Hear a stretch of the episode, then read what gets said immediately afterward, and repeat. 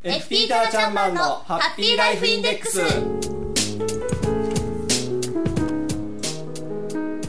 FP タナちゃんマンのハッピーライフインデックス。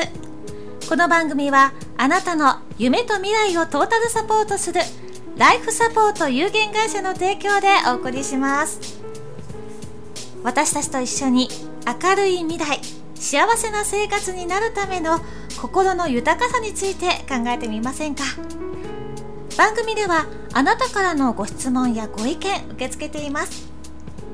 番組の放送中でも大歓迎ですしその他の曜日いつでも OK です。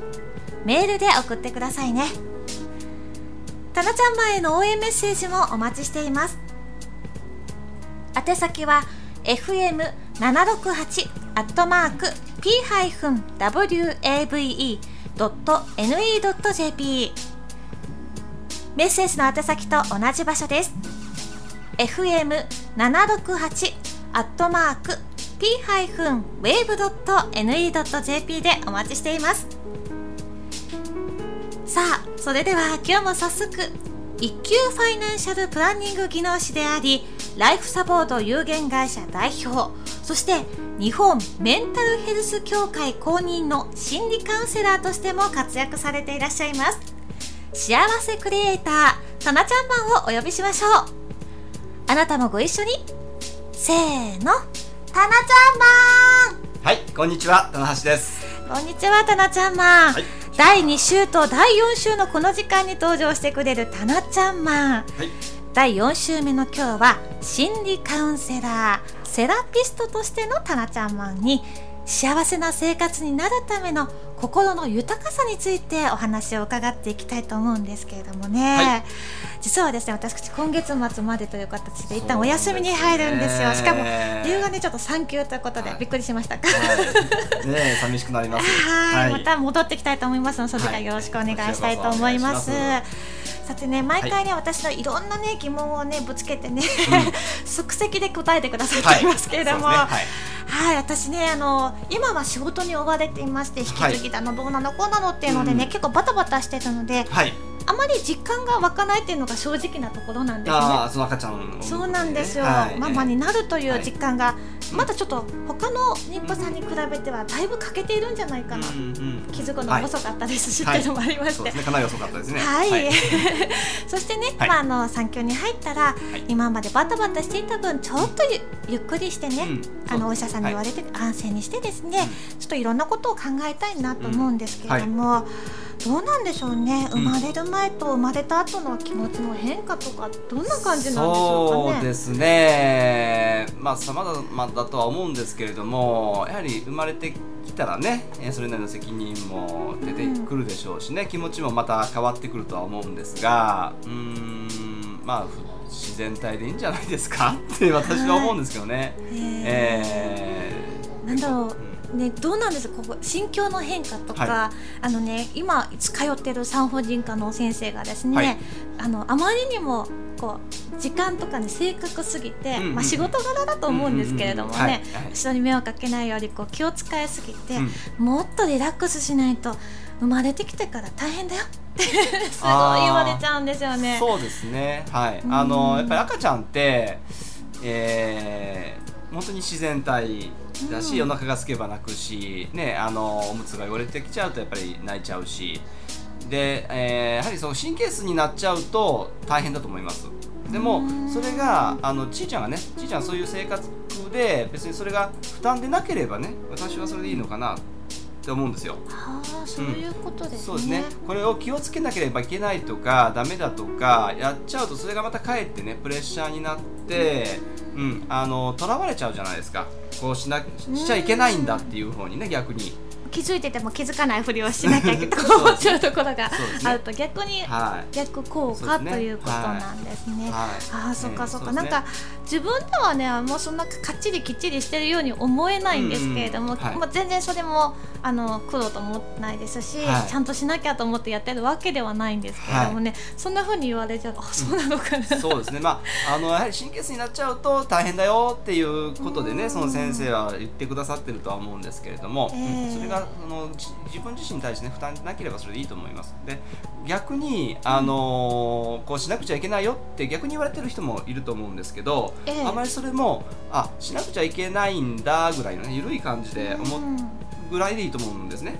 しししなくちゃいけないしなければならないっていうふうにとらわれちゃうとまたこれ大変なことになっていきますので、うん、あの自分のできる範囲でねやればいいし自分のできる範囲で緩くやればいいし。うーんなんかそれを聞いてちょっと気持ちが楽になりましたね。ね。こう、うん。本当にあの皆さん最初のお子さん生まれる時とかは誰もがそうだと思うので、はい。もう未体験空間とか未体験ゾーンというか、うん。はい。はい。みね。本当に足を踏み入れたことのないような空間なので、はい、何が起きるかわからない中でいろんなことがこう詰まってきてうん結局こうどうしていいかわからないという状態になってきそうですよまあ、私ね。自身もね子供3人いますけれども、ええ。まあ、一番上がねもうこ今年大学入りましたけれども、はい。えー大学入ったらまあ19歳、まあ、18歳ですけどねまだもうちょっとはい。今年19歳になるんですけれども、私も親になって19歳なんですよね。親ね親年齢。19歳？いや要は？子供を設けて初めて親になるわけじゃないですか人って。じゃあ私は生まれたらお母さん0歳からそうなんですよ。スタートそうなんですよ。あ。そう思えば気が楽じゃないですか。よくなんかお母さん1年生お母さんとか言ったりしますけど、うんはい。その前の問題でしたね。ね、はい、だからお母さん年齢0歳なんですよね。ああお母さんも生まれる感じですか、す。だから親として子供と一緒に育っていくわけですから そういうふうに考えればねあの気持ちも楽になるのかなと思いますしで、えーまあ、ある程度そのね多分、まあ、どんどなたもそうだと思うんですけれども生まれてくる前っていうのは子供に対してね答え満足でいてくれればそれでいいって思うじゃうんないですか。ね。ね。ええ。だからそれをずっと持ちその気持ちをずっと持ち続けることが大切かなと思います。そうですね。はい、いつの間にか子供が大きくなってくるとねあれしちゃいけないこれしちゃいけないこうしなさい ああしなさいね。あのここれしちゃしちゃいけませんあれしちゃいけませんって、まあ、子供がね危ないことをしようとしている時に止めるのはそれ大切なことなんですけれどもあれしなさいこれしなさい。でうん。子供がそれを望んでないのにねこう押し付ける親っているじゃないですか。うん。それはねやっぱりどうなのかなと思いますやはりこの生まれてくる前に思ってた気持ち、ね、答え満足で元気でいてくれればそれでいいって思った気持ちをずっと持ち続けていればねそういうこともないのかな押し付けることもないのかなというふうには思いますよね。そうですね。もう期待しすぎずっていうのもね。プレッシャーですからね、はいそっかそっかそっか。じゃああの怒る時もちゃんと理由を教えてあげて、はい。納得させないとダメっていうお話もね、はい以前聞いたことがありますもんね。そこがあの以前ねお話をしたうん。アイメッセージでね、うん。えーあの伝えるっていうことが大切だと思います。うんぱり赤ちゃんとかもちゃんと目を見てそうですね。何でも言ったらはい。聞いてくれますかね。はい。で子供はねこれもあの以前にねお話ししたと思うんですけれども、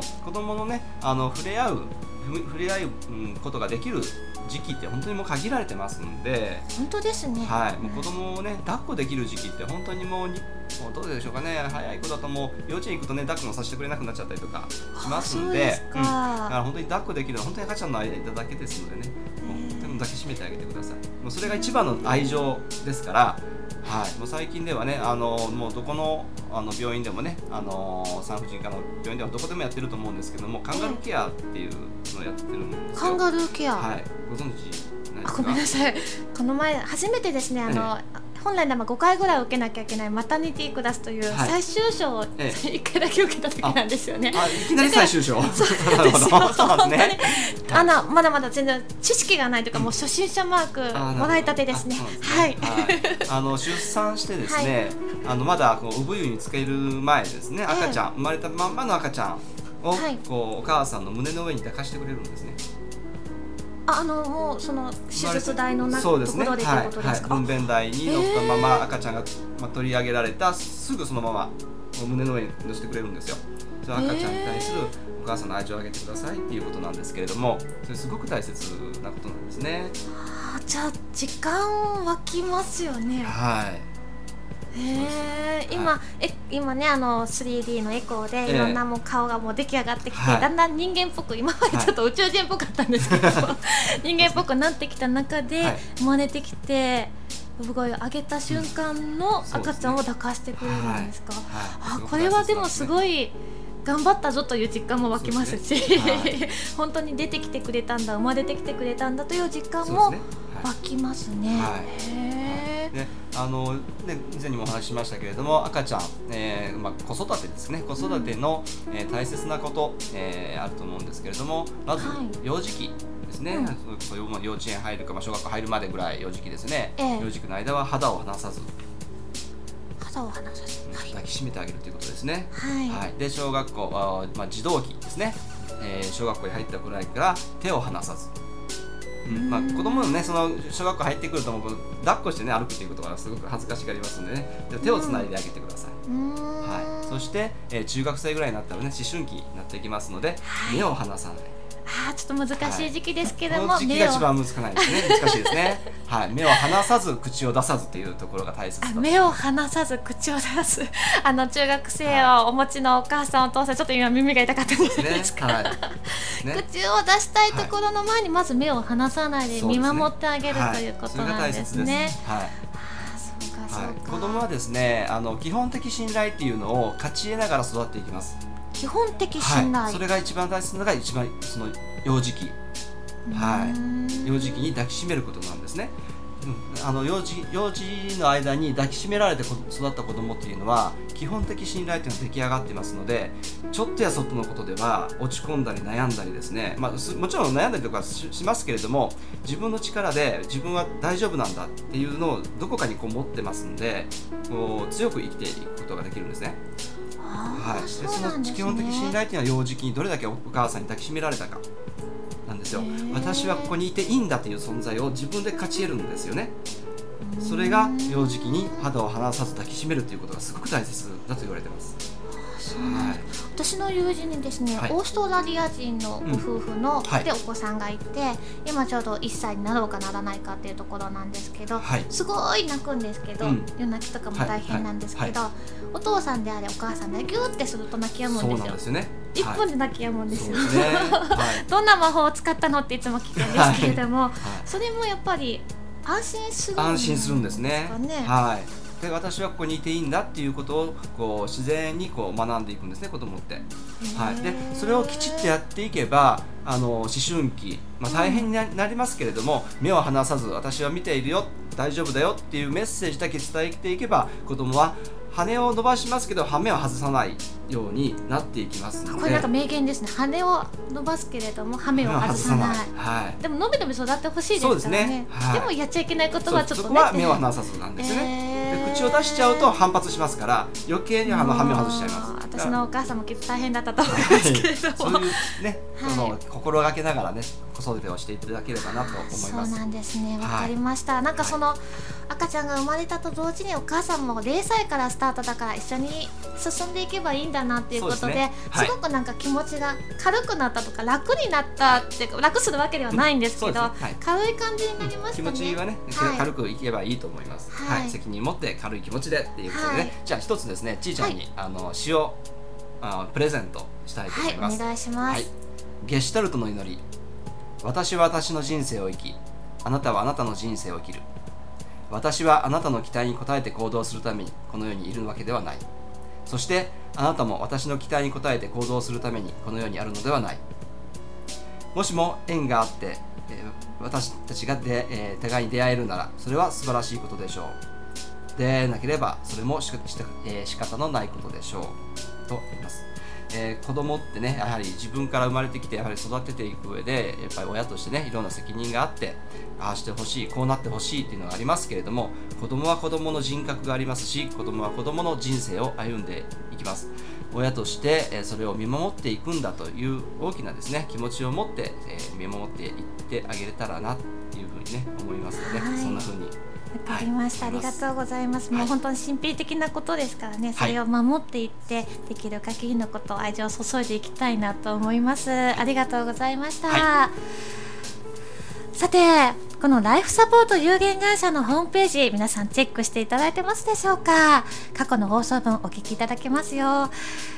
タナちゃんマン。ちゃんだけがひらがななんですけどもね、タナちゃんマンと検索エンジンに入れていただいてもヒットしますし、FM 四日市 FM ポートウェーブのホームページのトップにもこの FP タナちゃんマンのハッピーライフインデックスの紹介コーナーがありましてそこにリンクが貼ってあります簡単にアクセスできるようになっていますからぜひこちらの方もチェックしてみていただきたいと思います。今日の放送もです私も質問攻めにしてしまいましたけれども今日の放送ももう一度聞きたいなと思った方も後日聞いていただくことができますのでねぜひお願いします、はい。さて、タナちゃんマンが次に登場してくれる第2週の木曜日は、一級ファイナンシャルプランニング技能士としてのタナちゃんマンが、明るい未来、幸せな生活になるためのマネーライフのお話をしてくれます。次回はですね、7月の第2木曜日、7月の14日になります。ぜひね、あの、質問なんかも受け付けてますか？ら、ね。曜日問わずでございます。い。FP タナちゃんマンのハッピーライフインデックス宛てということで、ね。タナちゃんマン質問ですということでね、あのーどんなことでも、ね。いつもネタを持たずにやっていきますんでね、どんどん質問していただければ、私も、いつも即興でございます。はい、考えなくて済みますんで、助かります。はい、本当にね、あのこんなこと聞いていいのかなということでもね、ぜひぜひお寄せいただきたいと思います。すすね。ごくわかりやすく教えてくださいますからね。そしてもっとね、あの立ち入った話がしたいという時はぜひね、タそうですねナちゃんマンの事務所にはいはい来てみていいただきたいと思います。はいポットで絶対確認してくださいね。はい FP タナちゃんマンのハッピーライフインデックス。この番組はあなたの夢と未来をトータルサポートするライフサポート有限会社の提供でお送りしました。タンちゃんも素敵な話、はいそしてね、え私の応援のメッセージ、そしていろんなね、楽気持ちの変化を汲み取っていただきました。ありがとうございました。はいどうもありがとうございました。それでは次回は7月の14日木曜日の4時30分頃からです。お楽しみに。はいそれでは、バイババイバイ